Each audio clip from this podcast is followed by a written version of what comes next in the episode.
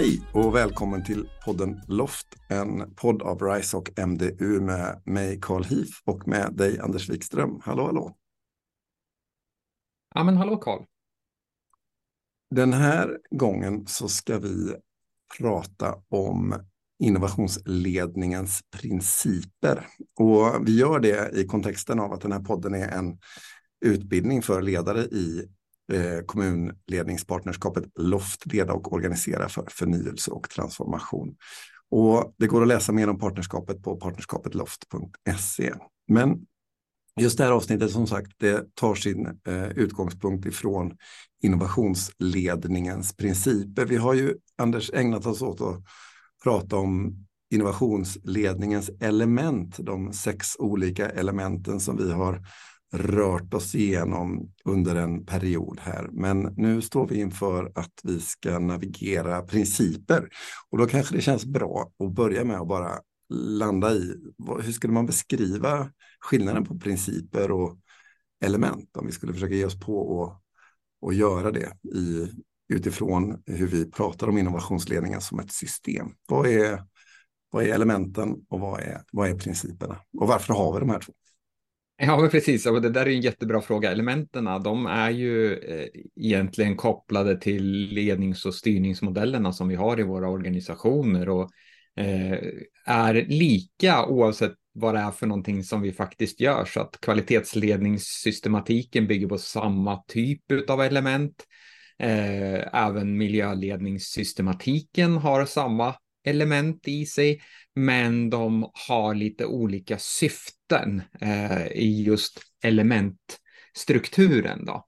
Medan våra principer, det är kanske våran, våran ledstjärna och vårt förhållningssätt kopplat till det som vi faktiskt vill åstadkomma. Och den finns ju principer naturligtvis även för, för våra kvalitetsarbete.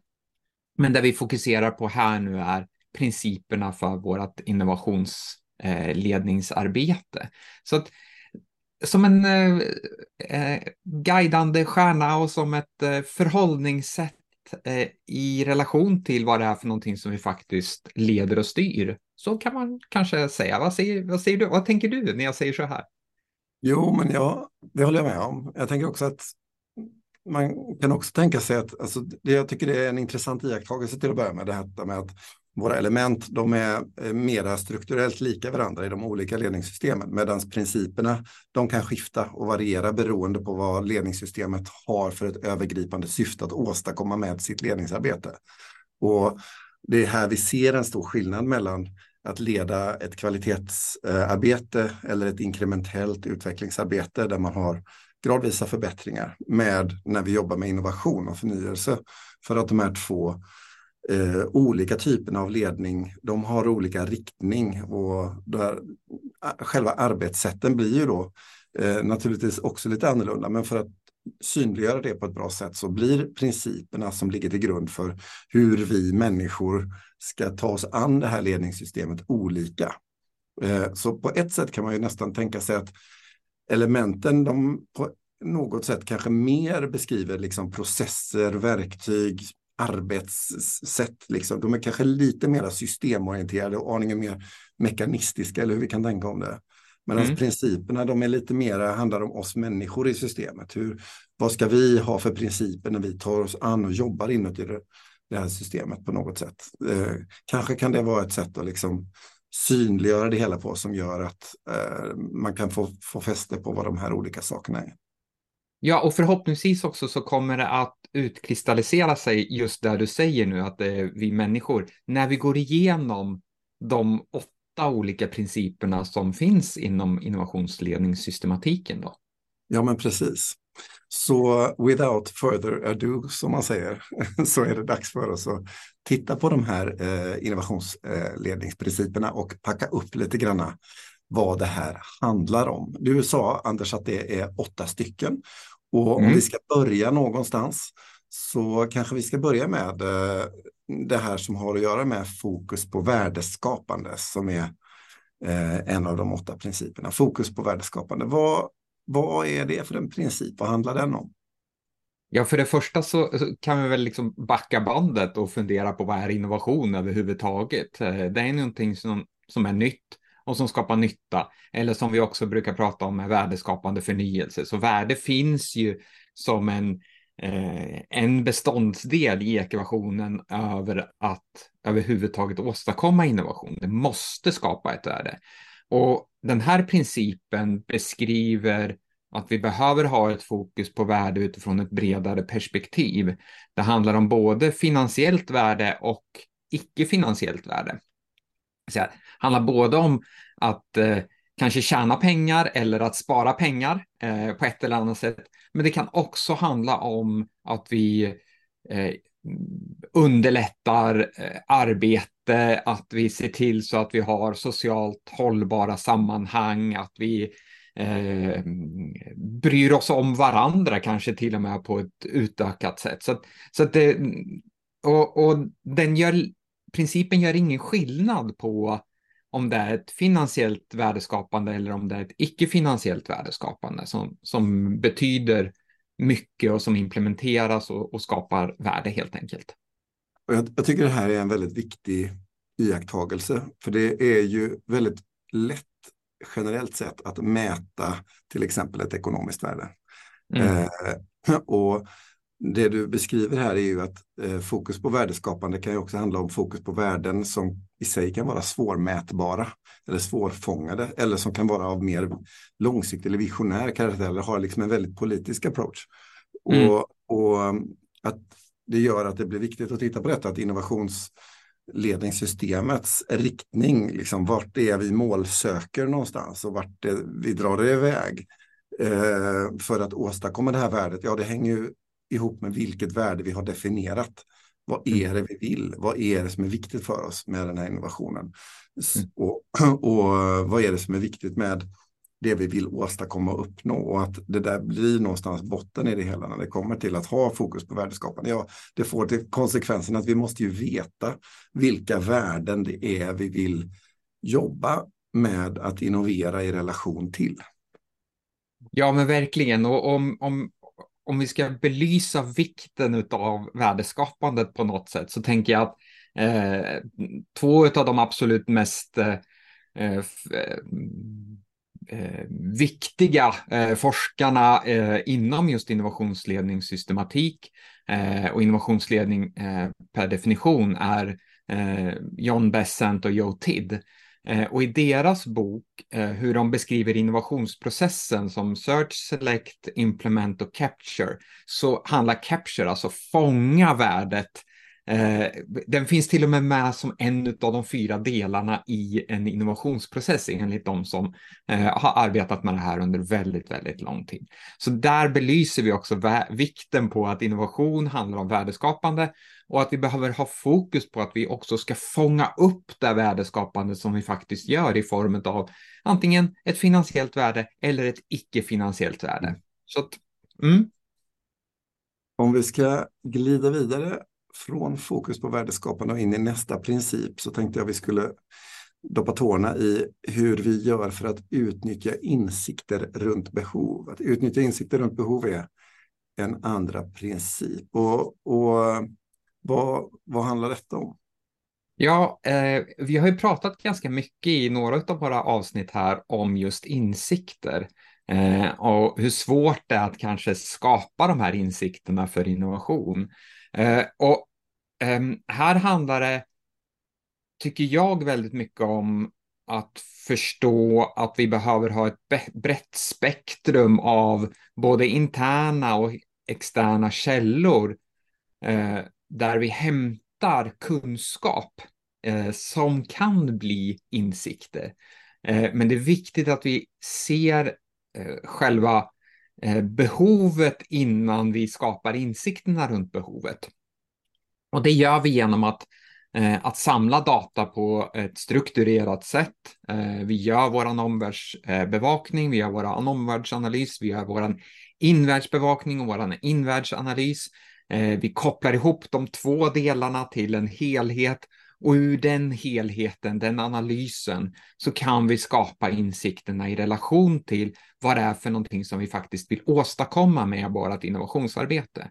Och en sak som vi inte får glömma här också, det är det är all den här datan som vi samlar och inte gör någonting med, utan vi skickar till tredje part. Och det är ganska mycket data i en kommun som vi faktiskt samlar på oss och skickar till, till andra. Eh, ja, eller som vi samlar in som vi sen liksom inte liksom gör någonting med. Också ja, men precis. Och det kan vara källor till faktiskt innovation och nya insikter som vi kan bädda in i vårt innovationsarbete. Så jag tycker det är viktigt att använda de eh, källorna som vi faktiskt har och, och, den datan vi har och omvandla den till, eh, till förståelse och insikter.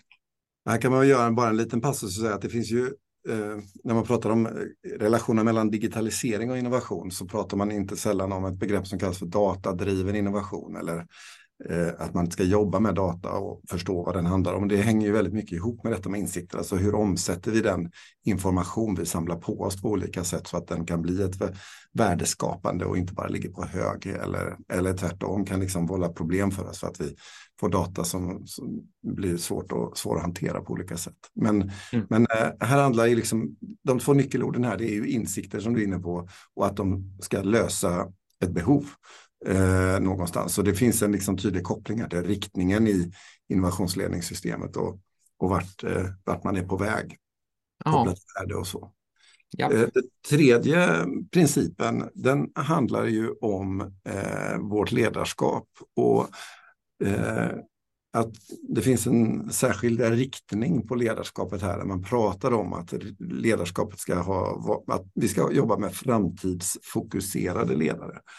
Och det där blir ju liksom en, det blir, det är en ganska så stark definition av men vad är det vi ser framför oss behövs i ledarskapet för att uppnå och upprätthålla ett bra innovationsledningsarbete och att man pratar om just det här ordet framtidsfokuserade.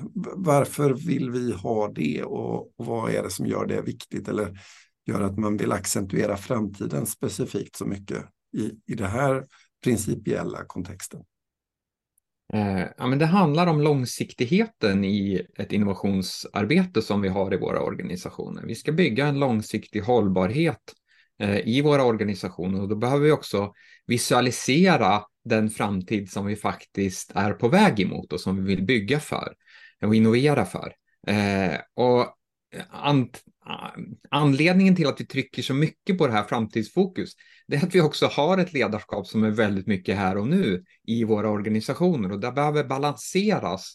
Eh, det, det kortsiktiga eh, leverans och produktivitetsfokuset som vi har behöver balanseras med att lyfta blicken, titta på en längre horisont, våga utmana, Eh, Eh, våra vedertagna sanningar, sättet vi gör saker på i våra organisationer idag som kanske inte är långsiktigt hållbart i relation till de eh, samhällsutmaningar och de eh, transformationer som sker i samhället i stort. Så det är väl det, är väl det som vi vill försöka fånga upp med det här fram, ja, med fokuset på just framtidsledare. Eh, eh Jag tänker att en annan eh ett annat sätt att titta på det också som vi har berört i, lite i tidigare avsnitt med det handlar om hur man jobbar med liksom en planerings och styrningsarbete i vardagen och att eh, det är väldigt lätt som chef och ledare att hamna i att städa akuta problem och att lösa uppgifter som står rakt framför en. Och när man gör det då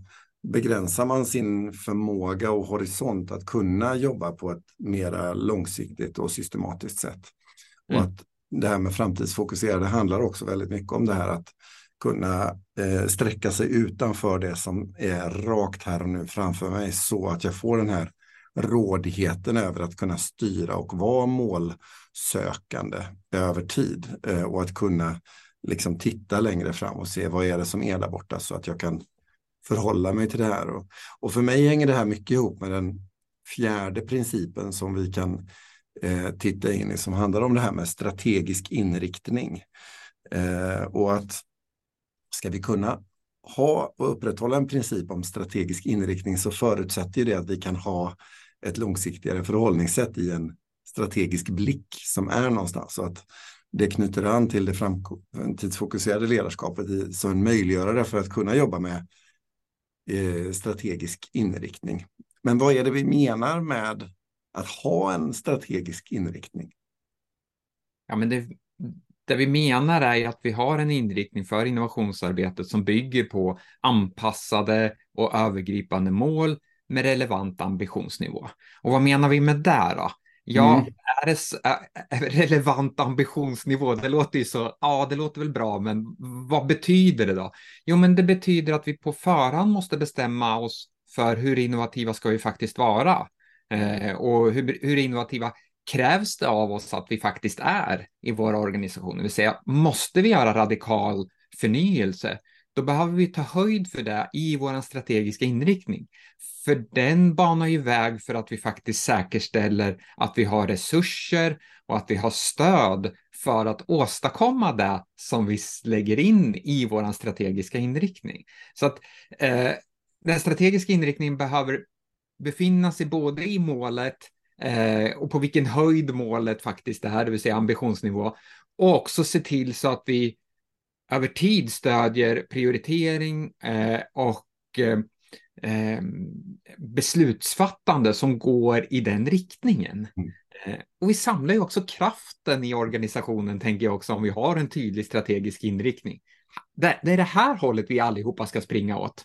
Så att vi jag inte tycker har... det du säger nu är, jag tycker det du säger nu är, är jätteviktigt att trycka på. Det är det att har vi en strategisk inriktning så får vi också hjälp att forma ett språk eh, mm. tillsammans som vi kan använda och beskriva varthän vi är på väg, eh, vilket i sin tur hjälper oss att just skapa den här strategiska kraftsamlingen, det som krävs för att faktiskt komma och åstadkomma förflyttning. Mm. Eh, så här, här kommer ju liksom kommunikation och berättande och struktur och systematik eh, in eh, som olika dimensioner i detta då.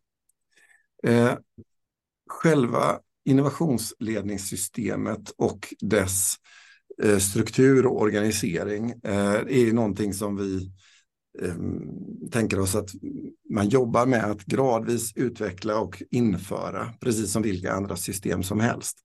Och när vi tar oss an eh, arbetet med att bygga upp ett innovationsledningssystem inuti en organisation eh, med kopplingar till andra utanför och så vidare, så är det ju inte liksom ett one hit wonder där vi bara gör det och så är det klart, utan också i ett sammanhang där vi stoppar in ett system som ska jobba med innovation så måste vi jobba med inkrementell förbättring av vårt system som vi har fört in. Och för att mm. kunna göra det så måste vi också kunna utvärdera vår egen förmåga att ägna oss åt innovationsledning eh, på systemisk nivå. Och det är ju nästa princip, den som heter utvärdering och förbättring på systemnivå.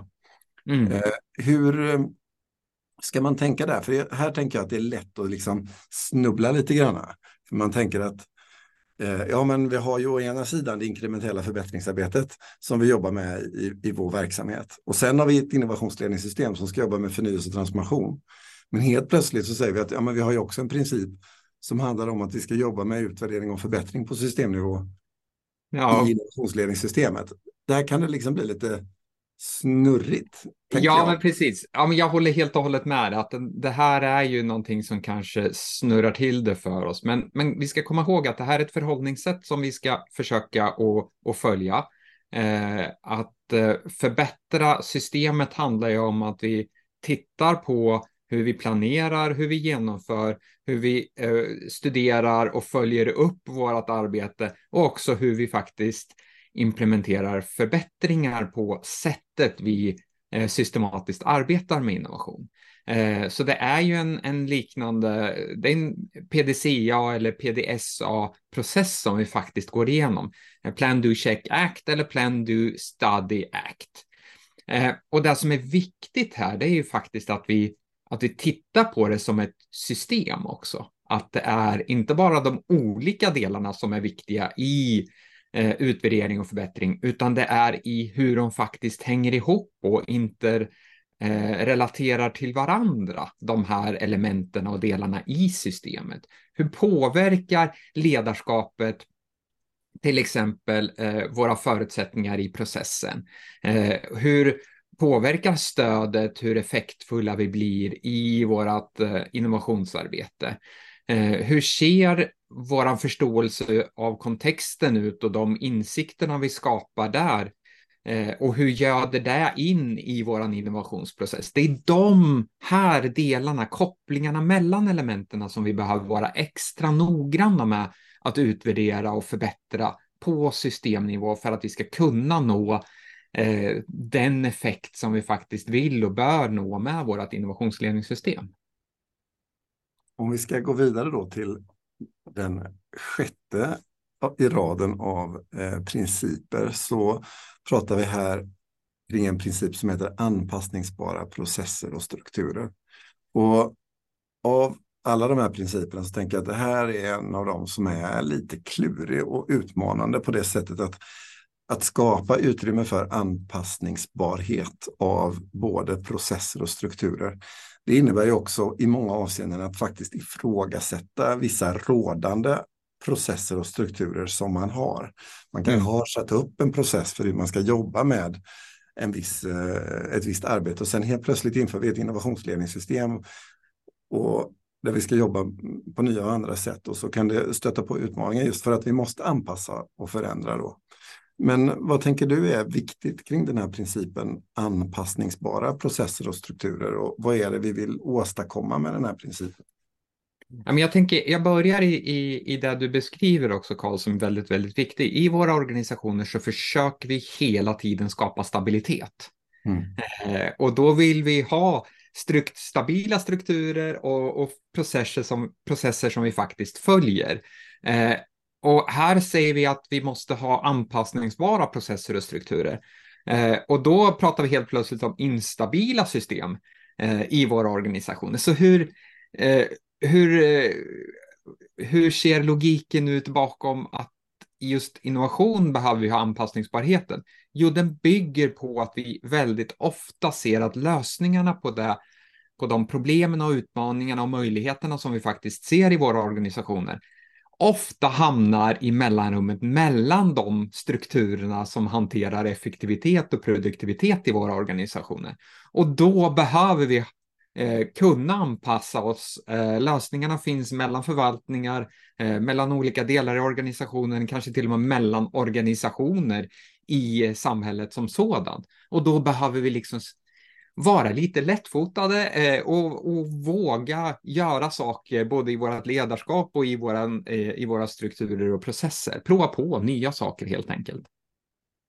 Och Det här med anpassningsbara processer och strukturer och det du beskriver nu, det knyter också an till en ytterligare princip som handlar om detta med att hantera osäkerheter. För du pratar ju om det här med att en del av det hela handlar ju om att vi vill när vi jobbar med innovation så innebär det att vi behöver ta en högre grad av risk. Vi prövar saker vi aldrig har gjort förut och det uppstår nya typer av osäkerheter som vi behöver adressera. Men många av de strukturer som vi pratade om alldeles nyss och som ska vara stabila och trygga, de vill ju minimera risk och begränsa den. Här Absolut. pratar vi helt plötsligt om att inte att minimera risk eller minimera osäkerhet utan att hantera den och att det snarare handlar om att ha liksom en ett medvetet förhållningssätt till den risk vi tar och vilken nivå av risk vi klarar av i vår organisation att ta och hur vi hanterar en osäkerhet som uppstår som en konsekvens av resultat som vi kanske inte hade förväntat oss och så vidare. Så här är ju, tycker jag, den här principen visar väldigt mycket på innovationsledningssystemets eh, möjliggörande när det kommer till att just göra saker och ting som, som vi inte har gjort förut och att skapa en slags ja, en principlogik eller en, eh, ett förhållningssätt som innebär att jo, men vi måste tänka på detta. Det, vi måste kunna göra det som vi inte har gjort förut och våra system och strukturer måste kunna stödja att vi gör det. Mm. Vad, vad tänker du om eh, att hantera osäkerheter? Uh, jag, jag tänker att det finns uh, kanske en Eh, Eh, en ganska stor frustration till begreppet hantera osäkerheter i våra organisationer idag för att vi vill, som du säger, vi vill minimera riskerna eh, överhuvudtaget och vi har våra risk och konsekvensanalyser i våra organisationer idag. Eh, och om vi hela tiden tittar på eh, riskerna eh, och kanske inte lägger in eh, Mm. den delen som handlar om att inte göra någonting också är en risk, eh, så, så blir det ju, då blir vi väldigt fast i sättet vi är i våra organisationer idag. Så osäkerheter och risker, de behöver utvärderas och utnyttjas och hanteras eh, genom att vi systematiskt lär oss av experiment och andra typer av lärprocesser i våra organisationer. Eh, och här kommer ju också det som vi har pratat om eh, vid flera tillfällen tidigare, det här med portföljen och hur vi hanterar de initiativen som, som vi arbetar med i våra organisationer. Få den här överblicken där vi faktiskt ser att ja, men vissa av våra initiativ, där kan vi ta en, ha en större osäkerhet och ta större risker. Men vi kan inte bara arbeta i sådana eh, riskartade aktiviteter för att då Eh, då kanske vi riskerar att krascha alltihopa i våran portfölj. Så att den här balanseringen mellan eh, mindre risk, större risk, eh, mindre osäkerhet och hantera osäkerheterna som faktiskt uppkommer över tid.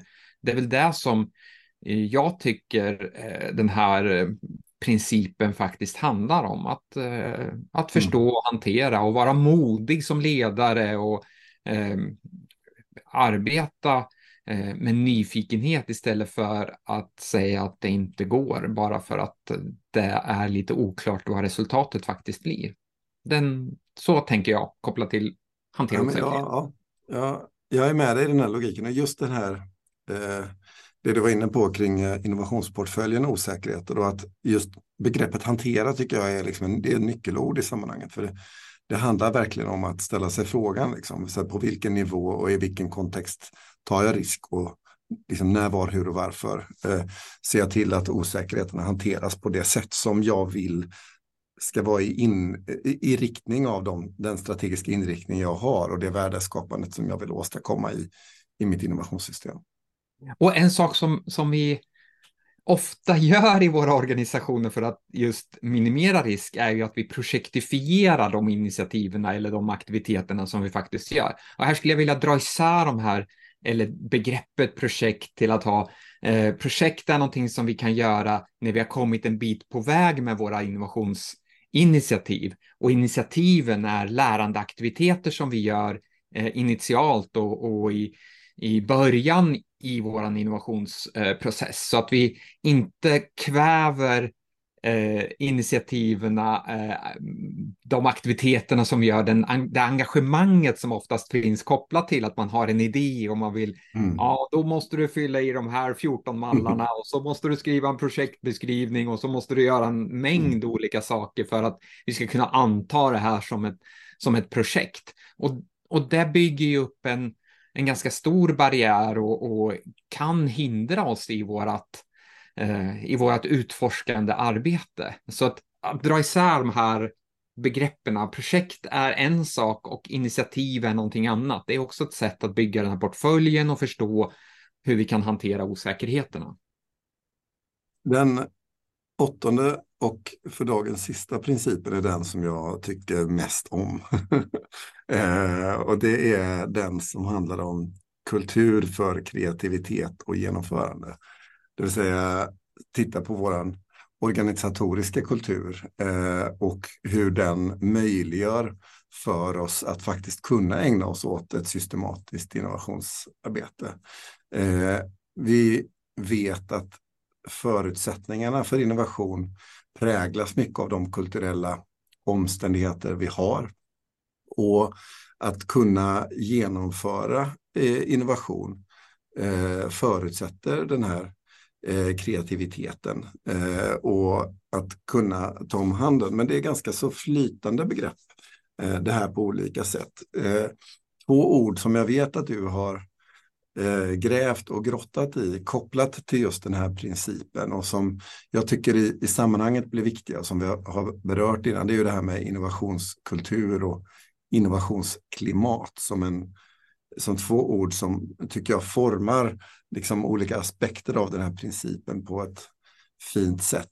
Vad, om vi bara kort skulle liksom förklara de här två begreppen och sätta dem i, i, i relation till eh, principen. Vad, hur går dina tankar här? Ja, men eh, kulturen det är ju någonstans våra övertygelser och våra värderingar och, och, våra normer, liksom det som vi har byggt våran organisation på, eh, kan man säga, marken vi går och står på. Eh, medans eh, om vi tar in det här klimatbegreppet då är mer våra beteenden och eh, vårt agerande och våra känslor i eh, i organisationen, människorna. Ibland brukar jag beskriva det som luften mellan människorna, det är mm. klimatet. Eh, och då, då vet vi att vi kan eh, titta på det utifrån både värderingar och normer och, och eh, övertygelser, men också utifrån eh, hur vi agerar och hur vi tänker och hur vi, hur vi känner i organisationen. Eh, mm. Och då kan vi också tänka oss in i hur det är att vara i, de här kreativa processerna som innovation faktiskt handlar om också, som, mm. Eh, som både kulturen och klimatet förutsätter eh, för att vi ska kunna få maximal effekt utav. Men det som jag tycker är extra viktigt med den här principen, det är att man, man pratar inte bara om, om det kreativa, utan man pratar också om genomförandet. Mm.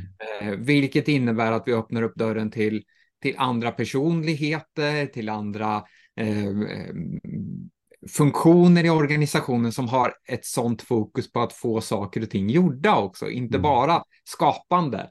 Eh, och här, liksom, kombinationen och balansen och se till så att vi nyttjar kraften i de flesta människorna som finns i organisationen handlar om att eh, vara både kreativ och eh, arbeta med genomförandet. Och jag tänker en annan dimension till detta med eh, just att ha det här som en princip. Det väver också in att kunna se människan och hur vi mår som en dimension och en del av ett innovationsledningssystem. Det är väldigt lätt att tänka att sådana här system är väldigt instrumentella i mm. den meningen att säga, men det finns checklistor och rutor och det finns ordningar hit och dit och det finns ett datorprogram som hjälper oss att hantera en sak och vi har en portfölj och så vidare. Men vad den här principen också sätter fingret på tillsammans med eh, principen som handlar om vårt ledarskap, det är ju att liksom, ett system består av människor och det är vad vi gör och hur vi beter oss i relation till varandra spelar en oerhört stor roll för hur funktionen är i ett sånt här system. Och, och ska vi ha en hög eh, förmåga till innovationsledning och uppnå de här värdena som vi vill, ja då förutsätter det att vi i vårt ledarskap och i vår organisation också formar och utvecklar ett innovationsklimat som kan göda den här långsiktiga kulturen på ett värdeskapande sätt. Så, så just människans dimension i det hela tycker jag blir så, så tydlig i det här sammanhanget. Ja, men precis. Och tittar man på, på egentligen alla de här åtta principerna så är ju människan närvarande i alla. Mm. Vilket vi också måste trycka på i och med att Eh, utan människan så händer ingen innovation överhuvudtaget. Eh, så att skapa förutsättningarna för människan blir väldigt centralt. Varför ska jag göra det här? Den strategiska inriktningen. Hur ska jag göra det här? De verktyg och metoder och förhållningssätt och kreativitet och genomförande. Och vad innebär det för mig i min organisation, eh, där jag är i min funktion då? Anpassningsbarhet och processer och strukturer och hur vi arbetar med andra. De, de blir viktiga förhållningssätt i vårt innovationsarbete. Mm.